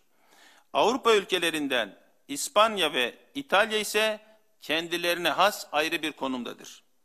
Amerika ise zaten hasta sayısı ve ölüm oranları bakımından tamamen kendi başına tüm dünyadan ayrılmaktadır. Tabloda da görüyorsunuz. Son olarak yoğunluk haritalarını görüyorsunuz. Genel Türkiye haritası, buradaki dağılım, Konya, Kayseri, Malatya ve Diyarbakır. Hepinize teşekkür ediyorum. Sorularınızı alabilirim. Anadolu Ajansı'ndan Yeşim Sert Karaaslan. Ee, Sayın Bakanım bugün Dünya Sağlık Örgütü Sözcüsü Margaret Harris'in e, pandeminin Avrupa'da zirve yapıp yapmadığına ilişkin bir açıklaması olmuştu. Kendisinin açıklaması şu şekildeydi. Dünya genelinde COVID-19 bildirimlerinin %90'ının Avrupa ve ABD'den geldiğini belirtti ve dolayısıyla kesinlikle henüz zirveyi görmüyoruz şeklinde yorumda bulundu. Ve hemen ardından Avrupa'da İtalya ve İspanya dahil olmak üzere bazı ülkelerde salgının hafiflediğini ancak İngiltere ve Türkiye'de artışın devam ettiğini söyledi. Bu konudaki sizin değerlendirmeniz nedir? Türkiye açısından e, pandemi henüz zirve yaptı mı? E, öngörümüz nedir efendim? Teşekkür ediyorum. Şimdi ben tablolarda demin gösterdim. Amerika, İngiltere, Fransa seyrini nasıl olduğunu ve hastalığın, vakanın daha doğrusu bir haftada en fazla görüldüğü zaman dilimini de göstererek. Amerika 11. haftada ulaştığı düzeyi biz 4. haftada yakalamış olduk. Türkiye'de şu an vaka artışı söz konusu ama artış hızının artık dördüncü haftada düştüğünü çok rahat söyleyebiliriz. Ölüm artış hızının da beşinci haftada başladığını çok net söyleyebiliriz. Ve özellikle burada Türkiye'nin durumu dünyadan farklı seyrediyor. Şu anlamda farklı seyrediyor. Dünyanın hiçbir ülkesinde vaka sayısının artmasıyla birlikte sağlık kuruluşlarında yani hastaneye yatış, yoğun bakım ve cihaza bağlanan hastaların sayısında bir azalış asla söz konusu değil. Yani vaka sayısı arttığı oranda daha fazla oranda hastaneye yatış oranı artış gösterir. Ve hastanede bu yük giderek artar ve arttığı için de İtalya'da bunu gördük, İspanya'da bunu gördük, Fransa'da bunu gördük, Amerika'da şimdi görmüş oluyoruz. Yoğun bakım yataklarının yetmediği, koridorlarda gerektiğinde entübe edilir tabloları gördük. Türkiye'de ise vaka artış hızı düşmekle birlikte vaka artmasına rağmen yoğun bakım ve entübe edilen hasta sayısında artık bir duraklamaya, stabilleşmeye girdiğini çok net görüyoruz. O nedenle sosyal medyada çok yayılan 0.21 oranından bahsediliyor. Çünkü Türkiye artık artış hızının azaldığı, pik yapmaya doğru gittiği ve vaka artış ve ölüm artış hızının bir duraklamaya girdiği ve önümüzdeki dönemde bu pikle birlikte bir plato çizme dönemine geldiği için oran ikili rakam olunca birbirine çok yakın. Üçlü dörtlü rakam olduğunda farklılıklar görülmüş olur. Ama önümüzdeki dönemde vaka ölüm oranları düştüğünde bu tablonun farklılaştığını çok net görmüş oluruz. Erken dönemde 1.3'lerden 2.1'lere geldiğini görmüş oluyoruz. Çünkü artık burada bir duraklama dönemine, bir stabilleşme dönemine, bir piki yakalama dönemine girdiğini görüyoruz. Bunu çok net söyleyebiliriz. Bir kayıtla. Bu dönemde eğer tedbirlere sıkı uymaya devam eder, yeni bir dalga oluşumu olmazsa seyrin nasıl olacağını biz biliyoruz. O nedenle ısrarla söylüyoruz. Bu dönemde temas, izolasyon ve mesafe noktasında çok hassasiyet gösterelim. Teşekkür ediyorum. Evet. Sayın Bakanım. Verdim buyur. E, Nur Sima Özonur, Demirören Haber Ajansı. Efendim e, meclisten infaz düzenlemesi geçti. Şimdi sırada tahliyeler var. Tahliyelerle ilgili nasıl önlemler gündemde? Ee, örneğin vakaların görüldüğü cezaevlerinden çıkanlarla ilgili ne gibi önlemler alınacak? Teşekkür ederim. Bununla ilgili bilim kurulumuzda nasıl bir yaklaşım gösterilmesi gerektiği ile ilgili zaten bir e, yaklaşımı oldu. E, biz sağlık taramalarında semptom olan, hastalık şüphesi olanları zaten hastaneye alıyoruz. Ve o dönemde testlerini yapmış oluyoruz. Artı özellikle izolasyon anlamında da bir takım uyarılarımız ve nasıl takip edilmesi gerektiğiyle ilgili bir yaklaşım var. Onunla ilgili bir çalışma var. Zaten o pratikte sahada uygulanmış olacak. Evet. Neşra Durmaz İhlas Haber Ajansı. E, efendim Çin medyasında yer alan bir haberde aşının ikinci aşama denemelerine geçildiği ve insanlar üzerinde uygulandığı söylendi. E, Çin'den daha önce ilaç da getirilmişti ve tedavide olumlu sonuçlar alınmıştı. E, bu kapsamda Çin'den aşı getirilmesi söz konusu mu? Bununla ilgili bir görüşme yapıldı mı? Ve Türkiye'de yapılan e, aşı çalışmalarında gelinen nokta nedir? Şimdi aşı ile ilgili biliyorsunuz çok yoğun bir çalışma yapılıyor dünyada. Çin'de de e, bu anlamda erken dönemde e, yoğun bir takım çalışmalar başladı. Aşının insanlara kullanılabilme döneminin çok erken olduğuna inanmıyoruz. Yani önümüzde 4-6 aydan önce kullanılabilir bir aşı olabileceğini bilim kurulundaki arkadaşlarımız düşünmüyor. Ama dünyada bu noktada çok yoğun bir çalışma var. Türkiye'de bu anlamda yoğun bir çalışma içinde.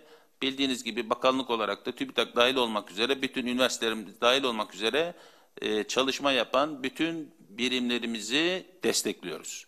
Bu anlamda daha önce de bahsettiğim iki üniversiteden bahsetmiştim.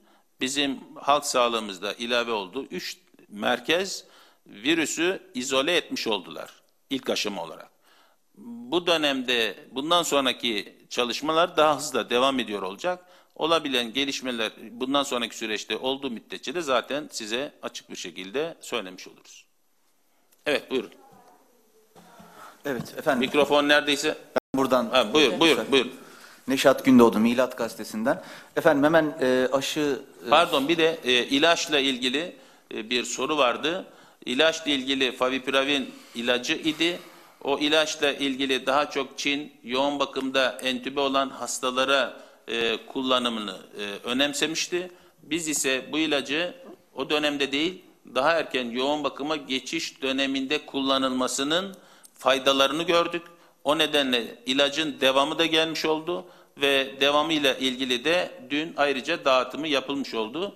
Bugün bilim kurulunda özellikle e, üzerinde konuştuğumuz konulardan bir tanesi Türkiye'de tedavide özellikle farklı bir yaklaşım içindeyiz.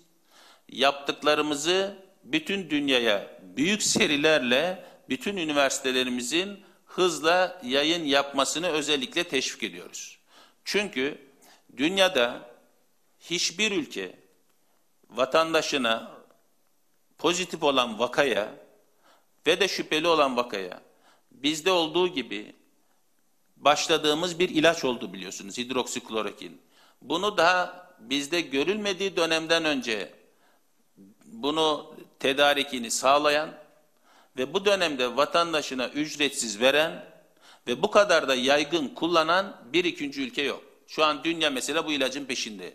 Ama biz 1 milyon kutuya yakın ilacı baştan stokladık. Benzer şekilde ilaçtan, e, Çin'den getirilen ilacı da, favipiraviri de bu dediğimiz yaklaşımla kullanan, bu yoğunlukta kullanan yine ikinci bir ülke yok.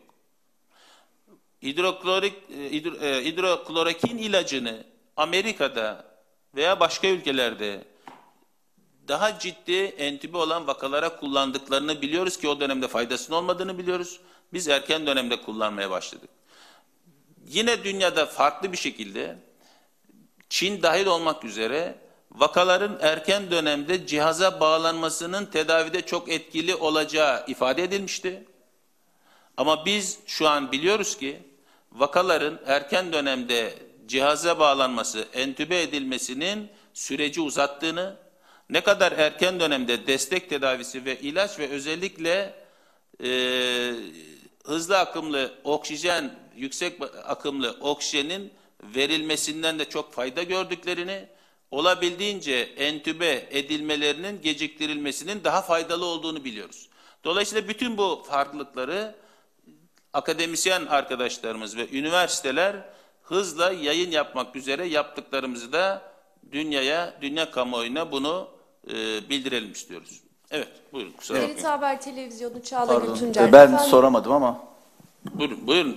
buyurun. Efendim evet. e, Neşat Gündoğdu, Milat Gazetesi. Aşı çalışmalarıyla ilgili ben de bir soru sormak istiyordum. Şimdi Türkiye olarak biz e, birçok ülkeye yardımda bulunduk. E, gıda e, çeşitli sağlık malzemeleri gönderdik. Hatta e, Sayın İbrahim Kalın'ın açıklamalarına göre Ermenistan'a bile ilaç göndereceğiz. Peki e, bu yardımlarda bulunduğumuz e, gelişmiş ülkelerin bazılarıyla bazılarından Türkiye'ye yönelik aşı çalışmalarında ortaklık talebi geldi mi? Yani bizim yaptığımız yardımlara karşılık en azından böyle bir iyi niyet göstergesi oldu mu? Bir diğer soruyu da ekleyeceğim efendim. E, Bağımsız Türkiye Partisi Başkanı e, Sayın Haydarbaş vefat haberi geldi bugün. E, Allah rahmet eylesin diliyoruz tabii kendisine. E, siyasilerin risk durumu nedir? Bu e, yeni bir krizde tetikleyebilir biliyorsunuz. E, mecliste çalışmalarına devam ediyor. Bu anlamda alınan ek önlemler olacak mı? Teşekkürler. Ben de teşekkür ediyorum. Aşı ile ilgili biz Türkiye'nin klinik araştırmalar merkezi olmasını yurt dışı için istemiyoruz. Bu anlamda bir takım yaklaşımlar oldu. Biz bu anlamdaki yaklaşımımızı çok net ifade etmiş olduk. Ve biz kendi aşı çalışmamızı klinik araştırma öncesi birçok ülkeyle gerektiğinde yapabiliriz. Ona açık olduğumuzu ama klinik uygulama noktasında kendi çalışmalarımızı daha önemli gördüğümüzü ifade etmiş olduk. Ben e, Sayın e, Başkan'a Allah'tan rahmet, yakınlarına sabır ve başsağlığı diliyorum. E, bu anlamda e, herkesin virüse karşı tedbirli olması gerektiğini hep ifade ediyoruz. Ve bu çerçevede de e, bu tedbirlere uyulduğu müddetçe herhangi bir riskin olmadığını söyleyebilirim. Teşekkür ederim. Fatma Nur Boylu Habertürk Televizyonu. Efendim geçen e, hafta sonu sokağa çıkma yasağı ilan edildi. Cuma günkü toplantıda siz yeni bir tedbirin olmayacağını söylemiştiniz. Bu sokağa çıkma yasağı e, kararı yine bilim kurulundan mı çıktı ve sonuçları nasıl oldu? Gece dışarıya çıkan insanlar vaka artışına neden oldu mu ya da e, hafta sonu sokağa çıkma yasağı yine olumlu bir e, etkisi oldu mu bu süreçte? Teşekkürler. Bilim kurulunun her zaman üzerinde durduğu bir şekilde izolasyonun ve hareketli ortamın minimalize edilmesi şeklinde oldu. Dolayısıyla bu anlamda hareketli azaltan, teması azaltan, izolasyonu hedefleyen her türlü yaklaşım zaten bilim e, kurulunun istediği ve de talep ettiği bir durum. Dolayısıyla amaca bu anlamda hizmet eden bir durum. E, bu anlamda bir sorun yok. E, sonuçlarıyla ilgili biz bütün rakamları şeffaf bir şekilde her gün sizlere aktarıyoruz. Kamuoyu biliyor. Dolayısıyla hepimiz önümüzdeki günlerde, önümüzdeki dönemde bu sonuçları birlikte görmüş olacağız. Teşekkür ediyorum. Aybüke Yıldız Kanal 7 Televizyonu. E, efendim plazma tedavi denenmeye başlanmıştı hastalarda. Plazma tedavi sürecinde ne aşamadayız? E, ne gibi yol kat ettik? Nasıl gidiyor bu tedavinin uygulanma süreci? Biraz aktarabilir misiniz? Teşekkürler. Plazma tedavisiyle ilgili Kızılay ağırlıklı merkez olmak üzere bu e, fonksiyonu üstlenmiş durumda. Ayrıca aferez merkezi olan birçok üniversitemizi de bu anlamda yetkilendirdik. Yani kendi hastaları geldiğinde kendi hastalarına kendi e, merkezlerinde e, bu plazmaları alıp e, vakalarına uygula, uygulayabilme yetkisi verdik. Dolayısıyla Türkiye'nin birçok üniversitesinde ve birçok hastanemizde Kız, Kızılay e, merkezli e, plazma uygulamasına geçildi. İyileşen vakalarımızın sayısı giderek artıyor. İyileşen vakalar artıp antikor oluşumu olduğunda da plazma tedavisinde e, tedavi edeceğimiz hasta sayısı her geçen gün artmış olacak. Ve bu dönemde de giderek yoğun bir şekilde kullanıma başlandı. E, faydasıyla ilgili bilimsel araştırma ve çalışmayı zaten arkadaşlar toplayıp ona göre bir yayın haline de birkaç merkezden getirmiş olacaklar. Evet.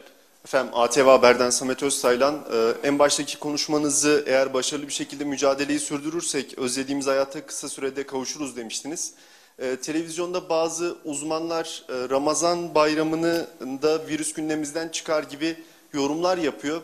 Bu elimizdeki verilerle, istatistiklerle bu konuşmayı yapmak doğru mu ya da hangi zamanı öngörebiliriz? Teşekkürler. Bunun için şu an e, bir tahminde bulunabiliriz ama kesin net bir e, ifade kullanmak doğru olmaz. Ama şunu e, demin konuşmamda da tabloda da e, görüldüğü şekliyle biz e, artık bu dönemde e, bir haftada görülen vaka en yüksek vaka sayısı dönemine ulaştık ve artış hızının artık azaldığını biliyoruz. Önümüzdeki dönemde pik ve plato çizme dönemini bekliyoruz. Eğer bu tedbirleri sıkı uygulamaya devam eder, araya bir yeniden bir e, e, dalga girmezse bu anlamda e, önümüzdeki dönemi e, beklediğimiz şekilde e, dünyada geliştiği şekilde e, görmemiz mümkün olabilir. Bunun için önümüzdeki bir iki haftanın e, önemli olduğunu ve yeni bir dalgalanmanın olmamasını olmadığı müddetçe de piki önümüzdeki bir iki hafta içinde yakalayacağımızı düşünüyorum. Sözcü gazetesi Deniz Ayhan.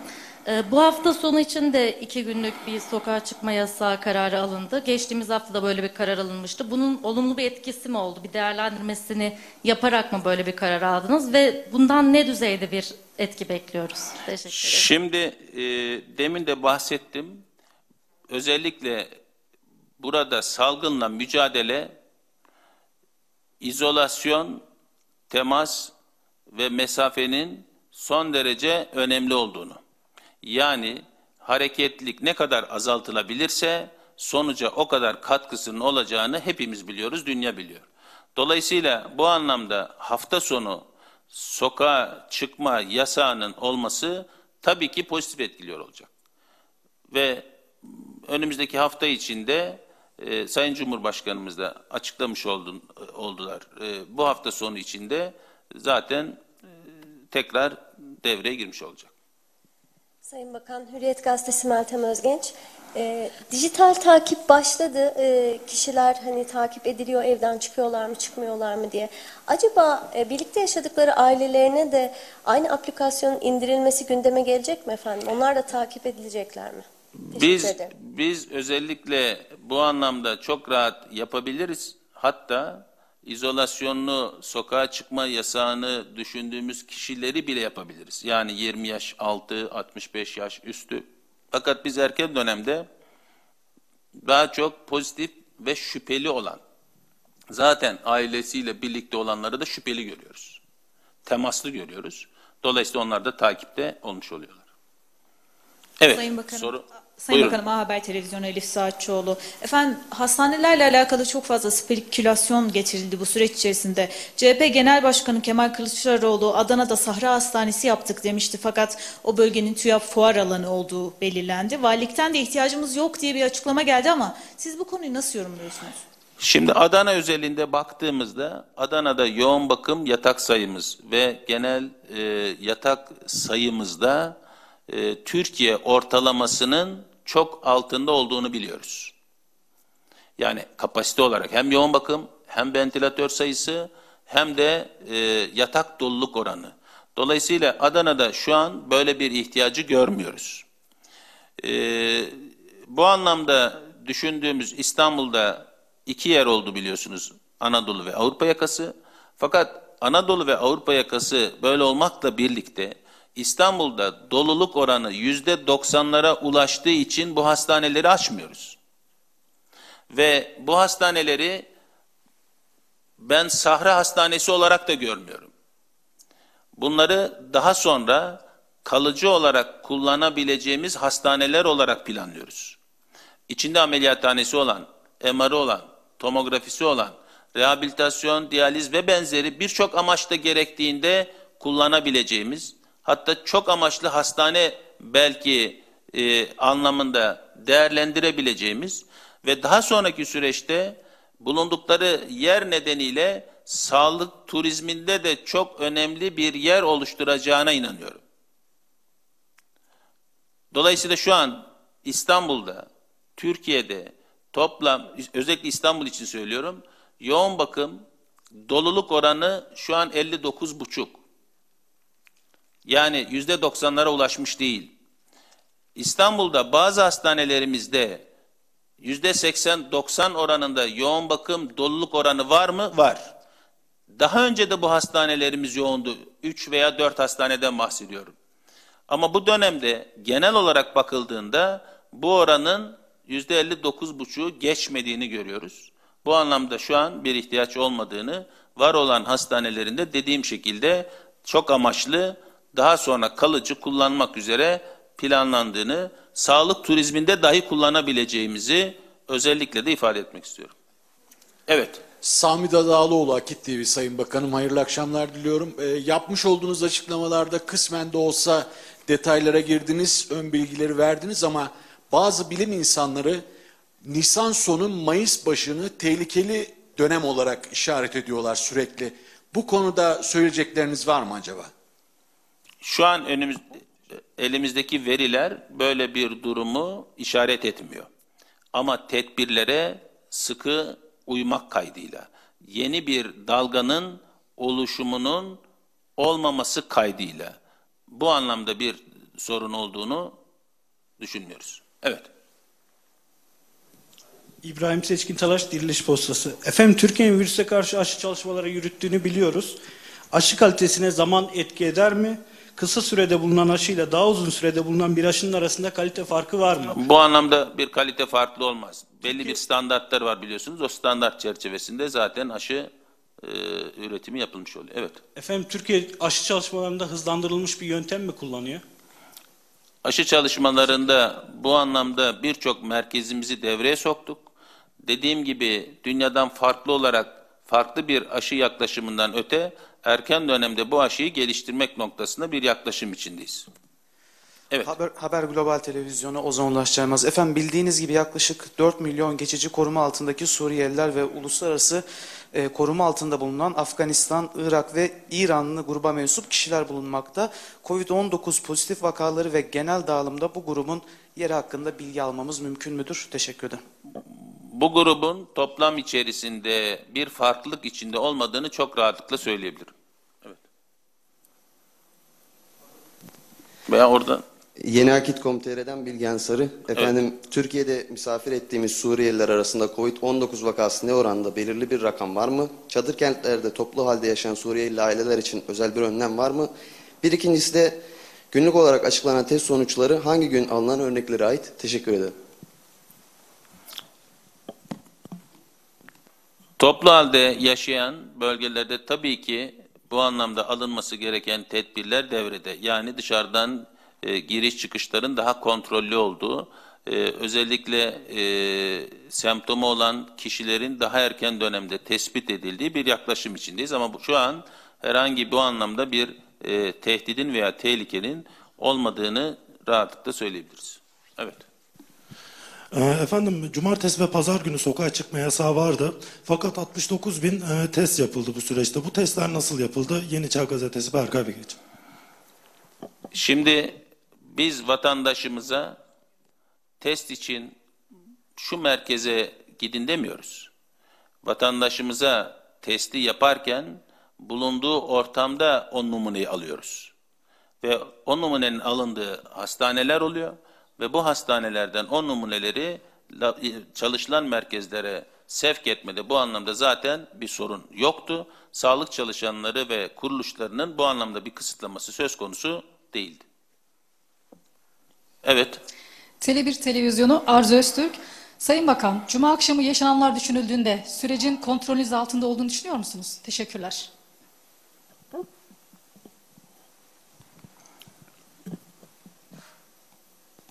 Cuma günü yaşananlarla ilgili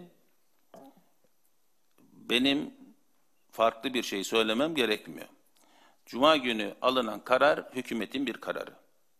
Ve özellikle Sayın İçişleri Bakanımız ile hem deprem hem korona mücadelesine yani salgında bu dönemde birlikte mücadele arkadaşlığı yaptık.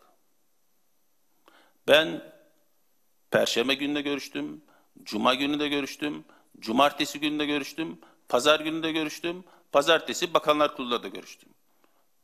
Ve o günle ilgili de Sayın Süleyman Bey zaten gerekli açıklamaları kamuoyuna şeffaf bir şekilde yaptı. Benim buna ilave edecek herhangi bir sözümün olmadığını söylemek istiyorum. Teşekkür ediyorum.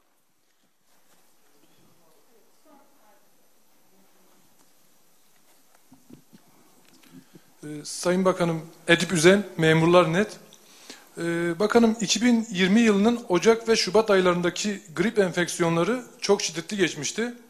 Burada COVID-19'un bazı mutasyonlarını ülkemizde görülmüş olabileceği belirtiliyor. Bir de bilim kurulu üyelerimizden Alpay Azap Bey'in bir açıklaması vardı. Ülke nüfusunun yüzde 60'ı bu hastalığa yakalanmadan biz bu hastalıkla uğraşmaya devam edeceğiz demişti. Bu değerlendirmeler hakkında ne düşünüyorsunuz? Teşekkürler. Mutasyonla ilgili dediğim gibi virüs izole edildi. Mutasyona uğrayıp uğramadı veya nasıl bir mutasyon olduğu önümüzdeki dönem zaten belli olmuş olur, onu açıklamış oluruz. Yani önce mutasyonun olup olmadığını virüsü izole ederek başlamış olursunuz. Ee, Yüzde 60 oranında herkes e, bu virüsü taşıdıktan, bu genel bir bilgilenme biliyorsunuz. Önemli olan bu dönemde bizim salgınla mücadele yöntemimizi olması gereken şekliyle yapıyor olmamız. Yani vakaları erken dönemde tespit eden ve filyasyonu yani bulaşıcılığı önleyen ve devamında sağlık kuruluşlarında tedavi etme imkanı ve ortamı oluşturan, ilaç ve benzeri medikal boyutuyla herhangi bir eksiklik oluşturmayan güçlü sağlık ordunuzla bu altyapınızla tedaviyi sürdürebilir olmanız ve Avrupa'nın düştüğü duruma düşmeme noktasında çaba sarf etmeniz. Biz bizim üzerinde durduğumuzda bu. Teşekkür ediyorum. Seda Güz, e, Ulusal Kanal. E, Sayın Bakan, eczacıların tıpkı sağlık çalışanları gibi e, düzenli Sayın Bakan soruları cevap ediyor. Tabii benim merak ettiğim birçok soru sordu arkadaşımız. O sorular içerisinde e, Cuma günü uygulanan e, sokağa çıkma yasağından kendisinin haberi var mıydı yok muydu? Ben o sorunun cevabını merak ediyordum ama şu an için alamadık. Belki e, ilerleyen dakikalarda bizim muhabirimiz de soru sorma imkanı bulursa o zaman öğrenmiş olacağız. Şöyle bir toparlayayım ben size. E, bugün itibariyle 14 Nisan bugün 65.111 toplam vakamız var e, ve e, 1403 e, vatandaş hayatını kaybetti. Bugün e, yüzün üzerine çıktı ama şöyle bir tespiti var Sayın Bakan'ın onu da söyleyeyim. Ee, ölüm artış hızında yavaşlama var. Vaka artış hızında iniş var. Önümüzdeki 1-2 hafta önemli. Ee, pike doğru yaklaşıyoruz. Daha sonra platosunu yapacak ve ardından aşağı ineceğini söyledi. Yani e, en az e, yani 2 hafta içerisinde belki daha... E, tatmin edici, daha böyle yüzümüzü tebessüm ettirici e, biz e, sonuçlar elde edebiliriz. E, filyasyondan bahsetti, e, saha taramasından bahsetti. Bunda e, biz dünyada en başarılı ülkeyiz dedi. E, bu Böyle de bir açıklaması var. Bir bakıma Dünya Sağlık Örgütü Sözcüsü'nün İngiltere ve Türkiye'deki koronavirüs vakalarında halen yükseliş gözleniyor açıklamasını da e, vaka artış hızında iniş, ölüm e, artış hızında yavaşlama var diyerek çürütmüş de oldu kendisi. E, verilen bilgiler bu yöndeydi bugün için. Geldik önce bir e, ekonomiye bakacağız. Esnaf esnafla gideceğiz. Çünkü esnafın durumu nasıl diyeceksiniz? E, gerçekten zor esnaf e, kitlesinin durumu. Yani bunun içerisinde küçük esnaftan bahsediyorum ben. İşte nedir onlar? İşte kuaför, berber, lokanta, e, işte züccaciyeci. Etrafımızda gördüğümüz o çarşı pazar çıktığımızdaki mekanlardan bahsediyorum. Ve onlar krediye çünkü hükümet o sözü verdi. Kredi sözünü verdi. Yani alabileceksiniz dedi. Esnaf da o krediye ulaşmaya çalışıyor. Peki ulaşabiliyor mu?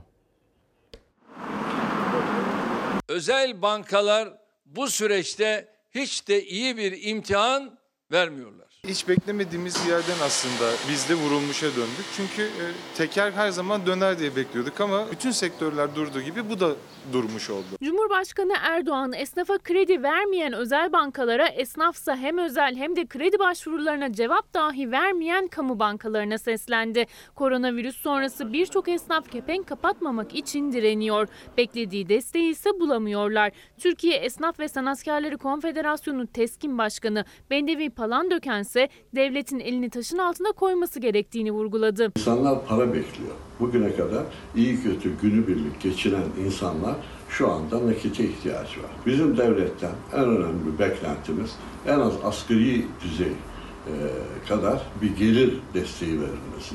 Dolayısıyla bununla birlikte onların da evindeki tencerelerin kaynamaları. Koronavirüs salgını birçok sektörü vurdu. Esnaf ayakta kalabilmenin yollarını arıyor. Nakit ihtiyacı büyük. Çalışanlarımızın bir kısmını izne ayırmak zorunda kaldık. Ücretsiz izne çıkanlar da oldu. Bu iş yerinin sadece bugün 120 tane araç randevusu vardı ama o randevular teker teker iptal edildi. Sadece dışarı çıkmak zorunda olan 6'sı buraya geldi. İşler düşünce ne oluyor? Eleman fazlalığı oluyor. 10 çalışandan 6'sı evlerine gönderildi. Geriye kalan 4'ü ise sadece yarım gün çalışıyor. Maaşlarda da e, biraz azalmaya gitmek zorunda kaldık. Esnaf sanatkarlarımıza ve kobilerimize yönelik 25 bin liralık finansman desteğine başvurular 290 bini buldu. 4 milyar 100 milyon liraya yakın kaynak tahsisi yapıldı. Çarkların dönmesi, ücretsiz izne çıkanların geri gelmesi, maaşların yeniden tam yatması için 3 kredi başvurusunda bulundu otomobil lastiği satan Özel Yıldırım. Özel bankalar reddetti, kamu bankası henüz yanıt vermedi. Hazine ve Maliye Bakanı Berat Albayrak da 290 bin başvurunun 163 bin 450'sinde sürecin tamamlandığını açıklamıştı. Ancak kaç esnafın cebine 25 bin liralık kredi girdi henüz belli değil. Özel Yıldırım gibi yüz binlerce esnaf hala bekliyor. Biz kredi için başvurduk. Ee, özel bankalara ve devlet bankalarına olmak üzere. Özel bankalardan istediğimiz desteği alamıyoruz. Devlet bankalarında da süreç biraz daha uzun. Hala beklemedeyiz. Kamu bankalarımız tüm imkanlarıyla vatandaşlarımızın yanında dururken özel bankaların takındığı tavır bizleri fazlasıyla üzmektedir. Özel bankaları da bu birliğin parçası olmaya bir kez daha davet ediyor. Özel bankada, kamu bankası da zaten faizle veriyor krediyi. Esnafsa ikisinden de almakta zorlanıyor. Zaten süreci yine borçlanarak değil devletin desteğiyle atlatmak istiyorlar. Esnafın en büyük sıkıntısı nakit para ihtiyacı. Bizi ne şekilde nasıl destekleyeceğini aslında devletin kendisi de e, biliyor. Vergiler kısmında para yaratamıyoruz, paramız yok. Bu arada e, bizim arkadaşımız da soruyu sordu. Merak ediliyor bu soru. Siyaseten merak ediliyor tabii ki. E, ikili arasında bugün yazılanlar, çizilenler vardı. E, münakaşa, telefonda münakaşa edildiği yönde. Yani kendisinin iddia, böyle iddialar vardı. Bir de bu sokağa çıkma yasağından ne derece haberi vardı yoktu. Bu iddiaları yalanladı ve bizim bizim gündemimizde ve dünyanın gündeminde koronavirüs var. Biz hükümet olarak da bu Buna odaklandık. Bizim gündemimizde böyle bir şey yok ve o iddiaları da bir şekilde yalanlamış oldu. Sağlık Bakanı Fahrettin Koca sevgili izleyenler. İşsizlik dedik ya çok e, sağlığı konuşacağız. Hala daha konuşuyoruz. Sayın Bakan da söyledi e, Mayıs başına kadar önümüzdeki 2-3 hafta 1-2 hafta boyunca dikkat edelim dedi. Hadi onu 3 hafta yapalım da en azından daha böyle e, sonuçlar e, daha tebessüm ettirici gelsin, umut verici gelsin. Ondan, sonraki günlerde de bunu yendiğimiz günden sonra da işi konuşmaya, aşı konuşmaya başlayacağız. Şimdi arkadaki beyefendiyi görüyorsunuz. Kendisi işten çıkartılan bir kişi. İşkurun önü dolu, kolay değil. İnsanlar bu zor günlerde ya maaş bağlatıyorlar ya iş arıyorlar. Cümle bu. İşkur'un önüne gitmekten dolayı daha doğrusu İşkur'dan bunu talep etmekten dolayı aslında kendini dilenci hissettiğini söylüyor. Hayır arkadaş kendini dilenci gibi hissetme çünkü o para senin paran. Helal para. Dördüncü ayın altısında çıkışım verildi. Yani pazartesi günü. Devletimiz de demişti ki çıkış olmasın diye. Ama maalesef girilen köy kılavuz istemez. Ellerinizden öper bir tane kızım var. Zor mu böyle işsizlik maaşı için kuyrukta beklemek? Zor mu? Kelimeler anlatılmıyor. Yani nasıl anlatayım? Kendimi dilenci gibi görüyorum bu sefer. Fazlası için değil, hakkı için orada ama yine de ayağı zor vardı işkura. Yıllarca maaşından kesilmişti o para. Şimdi iş bulana dek karnını doyurmayı umuyor işsizlik maaşıyla. Tabii alabilirse. yalnız da değil. Çığ gibi büyüyen işsizlik gerçeğiyle yüzleşen Temel ailesi gibi artık hanelerde birden fazla işsiz var. İzne çıktıktan sonra telefon açtılar, işten çıkardık dediler. İşsizlik maaşı alabilecek misiniz? Bilmiyorum. Deneyeceğiz. Eşim için işsizlik maaşı başvurusunda bulunuyorum. Eşim çalışıyordu. İkiniz de mi işsiz kaldınız? Evet aynen. İş, şimdi çalışan kimse yok. 3-4 gün oluyor ben kalalı. O da ayın 30'unda. Ailede çalışan kalmadı. Tevrat Temel sigortasız çalışıyordu. İşsizlik maaşına da başvuramadı. Ama eşi için geldi işkura. Formu doldurdu, teslim etti. Olumlu cevap gelir umuduyla eşinin ve çocuğunun yanına döndü. Yanıt ne zaman gelir o bile belli değil. Üzerinden 13 gün geçmeden sisteme düşmüyor. 13 gün sonra 20 enetken veya 60 gün içerisinde size bilgi mesajı gelecek. Olumlu geldiği zaman ayın 5'inden 5'ine herhangi bir postanede gidip. Haftanın ilk gününde oldukça yoğundu işkurun önü hatta demir bariyerlerle önlem alındı. Ama şimdi gelenler E-Devlet'ten başvuru yapması için internete yönlendiriliyor. Yine de internetten başvuruyla yetinmeyen işkurun yolunu tutuyor. İçeri giremeseler de kapıdaki güvenlik görevlisinden bilgi almaya çalışıyorlar ya da form doldurup ayrılıyorlar. İş bulma umudunu çoktan yitirdiler. İşsizlik maaşını beklemeye de fazla güçleri yok. Peki iş bulabilir misiniz bu dönemde? Hiç bulamam. Mümkün değil. Biz asgari ücretle çalışan, kirada oturan insanlarız. İşkur'a da uğradık, başvuru yaptık. 10-15 gün ancak gelirmiş. Öyle bekliyoruz yani. 15 gün daha dayanacak gücünüz var mı? Yok. Reklam. Kapatıyoruz sevgili izleyenler. Bizden hemen sonra Türk filmi var. İlk kez televizyonda izleyeceksiniz. Bir Aşk, iki Hayat ismindeki Türk filmini. Yarın daha mutlu, daha huzurlu, daha güvenli bir dünya ve tabii ki Türkiye'de buluşmak umuduyla. Hoşçakalın. bir başka